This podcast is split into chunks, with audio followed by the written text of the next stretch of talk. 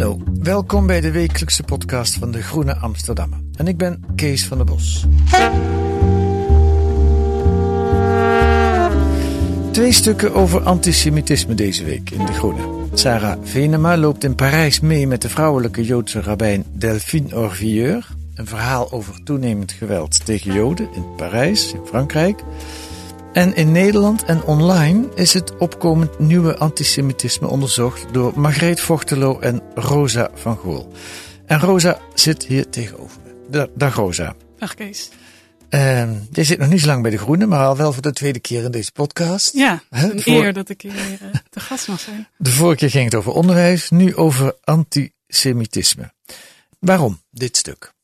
Uh, nou, je leest uh, veel de laatste tijd en hoort veel over antisemitisme. Ook als je kijkt naar verschillende rapporten die uitkomen, dan lezen we eigenlijk keer op keer. Het antisemitisme neemt weer toe in Europa, in Amerika.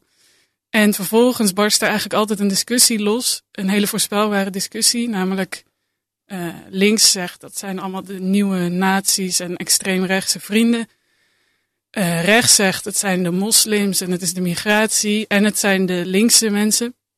En de discussie gaat zich vervolgens heel erg eigenlijk richten op wie het ergste is. En wij wilden eigenlijk met dit stuk laten zien hoe dat werkt, hoe dat gepolitiseerd wordt. Ook omdat dat wel problematisch is in mijn ogen, dat het de hele tijd in die discussie getrokken wordt. Ja, ja. ja jullie citeren in je stuk Hanna Lude, de directeur van het CIDI, het Centrum Informatie en Documentatie Israël. Antisemitisme discrimineert niet, zegt zij. En dat kun je lezen, want iedereen doet het. Het komt overal voor, bij ja. links, bij rechts.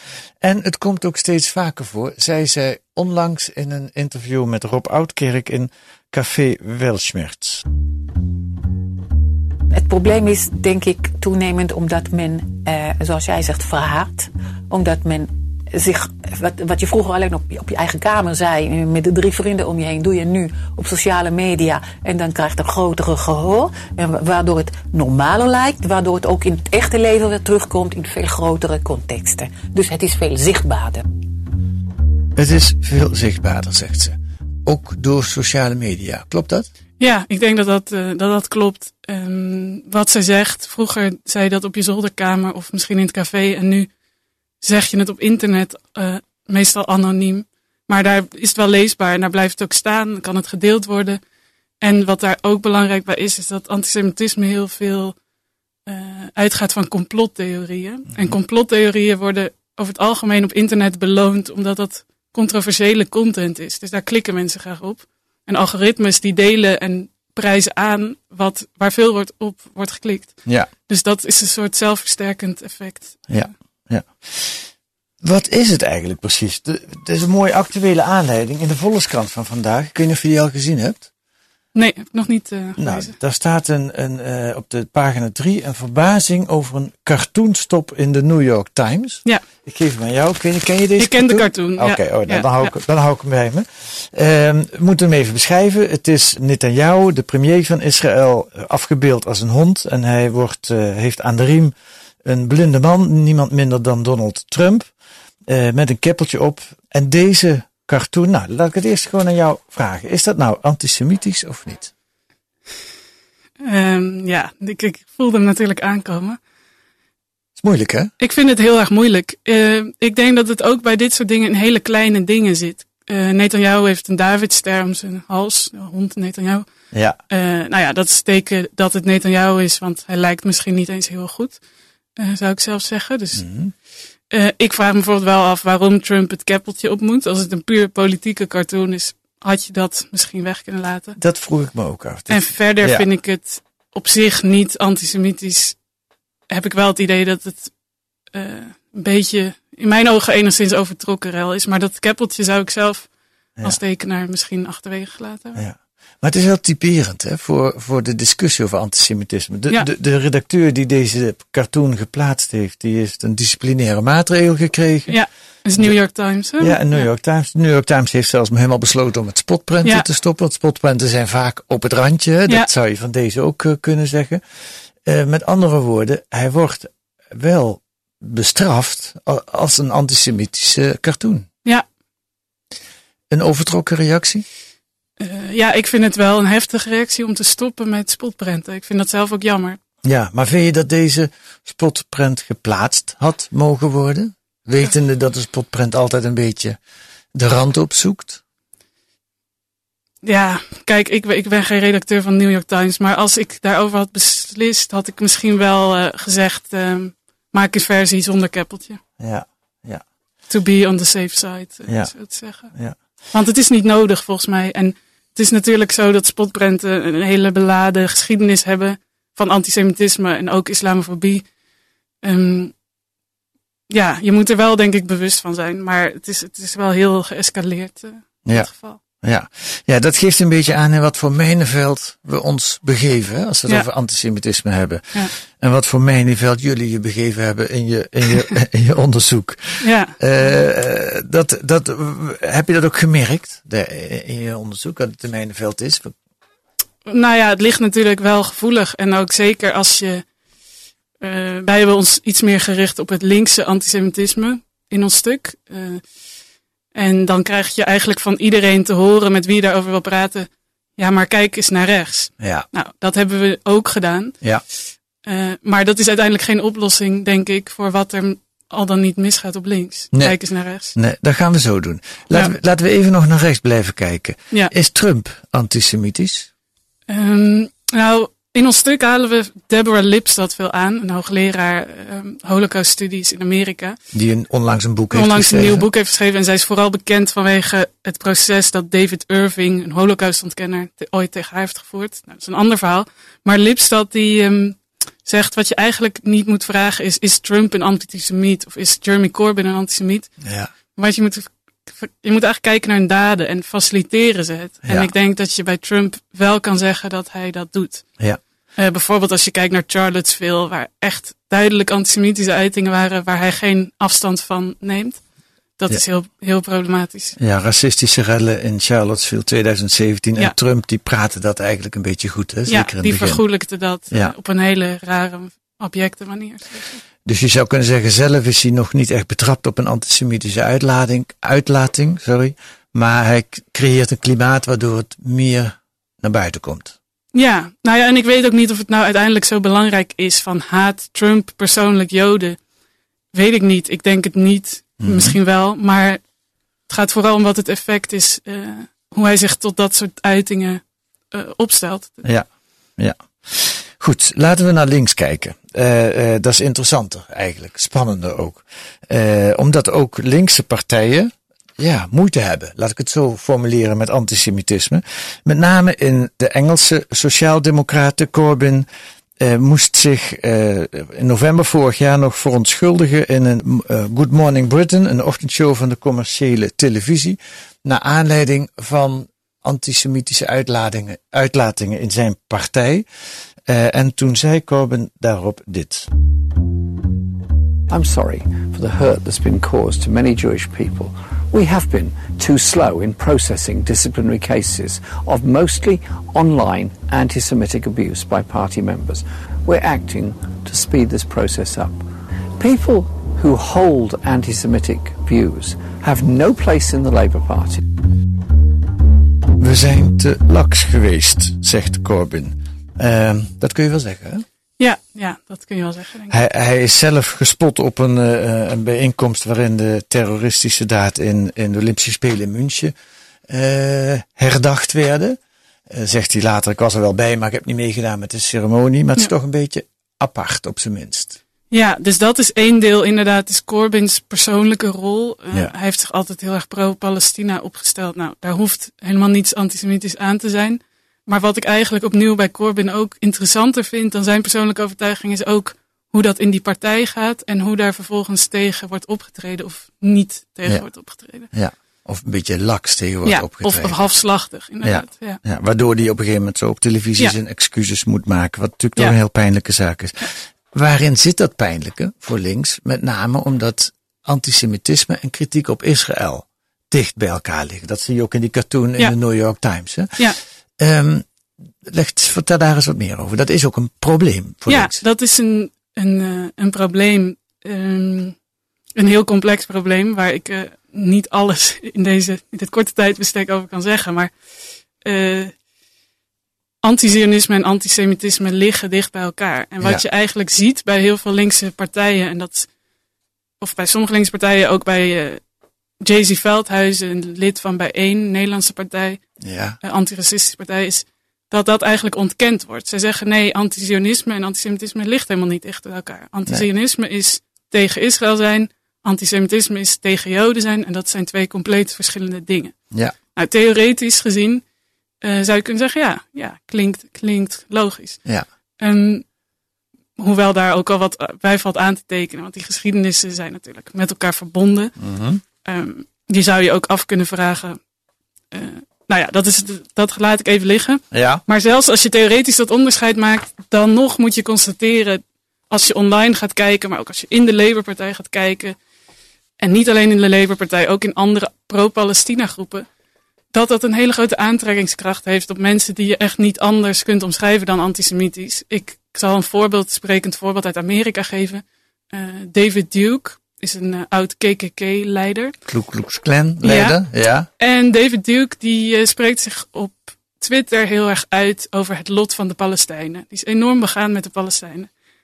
Nou, dat is... Dat kan, dat is wel een beetje kan, verdacht, maar het is vrij opmerkelijk, omdat hij uh, verder, nou ja, zich helemaal niet zo begaan toont met, laat ik zeggen, niet-westerse bevolkingsgroepen. En in dit geval is hij opeens ontzettend eager. Nou, David Duke is gewoon een bekende, enorme antisemiet. Ja, En er kan maar één reden zijn, uh, in mijn ogen, waarom hij zo begaan is met de Palestijnen. Dus je Ja. ziet gewoon, die dunne lijn is er wel. En dat kun je natuurlijk niet alle linkse politici aanwrijven, dat David Duke opeens daarbij wil horen. mhm. Maar wat je ze denk ik wel kwalijk kunt nemen, is dat ze zich daar vaak blind voor houden. ja.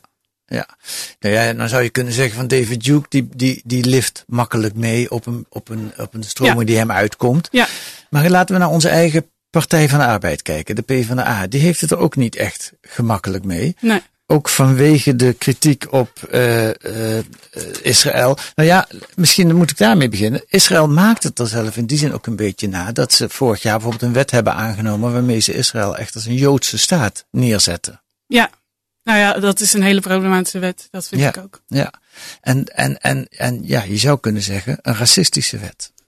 Ja, En daarmee, als je dat zegt, Israël is racistisch, doe je dan een, een antisemitische uitspraak? uh, Israël is racistisch. Nee, dat vind ik op zich geen antisemitische uitspraak. Nee. Je kunt het ermee eens zijn of niet, maar je mag het wel. Van mij mag je dat zeggen. Ja. ja. Ja. Dat kun je een debat over hebben. Alleen laten we duidelijk zijn, als we het over David Duke bijvoorbeeld hebben, Ja. dan gaat het niet over Israël is een racistische. Daar stopt het niet. Israël is een racistische Nee. staat. Nee, maar dat is duidelijk. Laten we het moeilijker maken. Laten we naar onze eigen PvdA kijken. Je hebt een antisemitisme definitie van het International Holocaust Remembrance Alliance. Ja. Eh, de IHRA-definitie, die is door 31 landen aangenomen. En de PvdA heeft het daar in, in eerste instantie vorig jaar in de Tweede Kamer, toen er een motie ingediend werd door Van der Staaij van de SGP, van dit moeten wij ook ondersteunen, die, die definitie, heeft daar niet voor gestemd. Omdat ze vonden dat die discussie kritiek op Israël moeilijk maakt. Die definitie, ja. Ja. Um, is dat ook zo? Um, ja, nou die definitie is vrij uitgebreid. Uh, het, zal ik hem voorlezen? Ja, lees hem even voor. Maar er zijn ook nog een heleboel voorbeelden bij. Die ga je denk ik niet allemaal nee, voorlezen. Die mag je, die mag je hebben als je die belangrijk vindt, mag je die erbij halen. De ja. definitie is als volgt. Antisemitisme is een bepaald beeld van Joden dat, dat tot uiting kan komen als haat jegens Joden. Mondelinge en fysieke uitingen van antisemitisme zijn gericht tegen Joden of niet-Joodse personen en of hun bezittingen, tegen instellingen van de Joodse gemeenschap en tegen Joodse religieuze voorzieningen. Uh, het is al een beetje ingewikkeld als je naar die definitie kijkt. Maar antisemitisme is dus als je uh, heel duidelijk zegt, de Joden deugen niet. Of de Joden hebben een samenzwering, zijn bezig met een samenzwering tegen onze ja. maatschappij. Of, nou, dat, lijkt, ja, dat lijkt mij wel duidelijk. Ja. En het is inderdaad een beetje vaag. Ik denk dat ze dat ook doen omdat het bij antisemitisme niet altijd zo direct is, de Joden deugen niet. Nee. Maar ook kan zijn, de Joden die zijn uh, wel heel machtig. Zijn Ja. wel goed, uh, goed in uh, macht krijgen. Dan zou je kunnen zeggen dat is positief, maar Ja. dat is natuurlijk niet, niet alleen maar positief bedoeld, zo'n Nee. uitspraak. Nee. Dus daarom ze hebben ze het niet alleen over haat, denk ik. Ja. Nou ja, dan kom ik toch ook weer terug op die cartoon in de New York Times. Want wat je daar ziet is, in Amerika heb je natuurlijk een hele sterke Joodse lobby. Uh, ik neem aan, dat weet ik eigenlijk niet, dat die er ook achter zitten in de kritiek op zo'n cartoon bij de New York Times. Weet jij dat? Nee, dat weet ik niet. Oh. Nou, dan kunnen we het daar ook niet over hebben, want dat nee, weten we Nee, ik weet niet precies waar dat vandaan komt. Nee. Ik, ik bedoel, uh, er zijn veel Joodse redacteuren bij de New York Times. Ja. Maar dat impliceert niet automatisch voor mij dat daar een bepaald uh, masterplan achter zit. Nee. Dus dat, daar weet ik gewoon niet genoeg over. Nee. Waarom heeft de PvdA er zo moeite mee in eerste instantie? Uiteindelijk hebben ze die definitie nu wel omarmd en, en onderschreven. Maar waarom hebben ze daar eerst zo moeite mee? Nou ja, om het dilemma dat jij net omschrijft, denk ik. Die, die IHRA-definitie is best wel uitgebreid en best ingewikkeld. En een aantal voorbeelden die daar gegeven worden over Israël. Uh, ja, daar zeggen mensen over van dat beperkt onze mogelijkheid om kritiek te leveren op Israël. Mm -hmm. En een ander deel zegt helemaal niet. Je mag kritiek leveren op Israël, alleen je moet dat doen op een manier die niet, uh, niet antisemitisch is. Ja. Nee. Uh, nou ja, en daar gaat het, daar, daar gaat het enorm twee kanten op. Want jij zegt net, mag je zeggen Israël is een racistische staat? Nou, van mij mag je dat zeggen en daar valt ook een goed, uh, goed pleidooi voor te houden. Wat je heel veel ziet in boycottbewegingen, dus de Palestina-bewegingen, is een hele grote eagerness om Israël te vergelijken met nazi's. Dus bijvoorbeeld de Israëlische vlag en dan in plaats van David Stern hakenkruis. Ja. Of Gaza is een concentratiekamp. Ja. De Nakba is uh, de Palestijnse holocaust enzovoort. Ja. En dan ga je over een grens? Nou, ik, ik denk wel dat het goed is om je af te vragen waarom je zo graag uh, Joden met nazi's wil, wil vergelijken. Mhm. Mm -hmm. En Evelien Gans en Remco Ensel, uh, Remco Ensel interview ik ook, die hebben heel veel hierover geschreven. Een wetenschapper, een universiteit uh, wetenschappers, uh, ja, inderdaad, eerder ook aan het NIOD verbonden. Ja. En zij hebben heel veel over dit onderwerp geschreven. En uh, nou ja, zij, zij zien daar toch ook een soort tendens in, die, die eagerness om dat, die vergelijking te maken. Nou ja, wel een soort antisemitische tendens van kijk, zie je wel, eerst waren de Joden zielig, maar nu Ja. doen ze het zelf ook. Ja. En dat zou de holocaust dan minder, nou ja, zo- minder belangrijk of minder erg, minder relevant maken. Ja. En ik denk dat dat wel iets is om, uh, om over na te denken. Het is een mijnenveld. Het is zeker een mijnenveld. Ja. Laten we het even onszelf iets makkelijker maken. Je hebt ook politici die er gretig gebruik van maken om hun eigen boodschap uh, te propageren. ja. De PVV'er Marcus Sower, hoe spreek ik dat eigenlijk uit?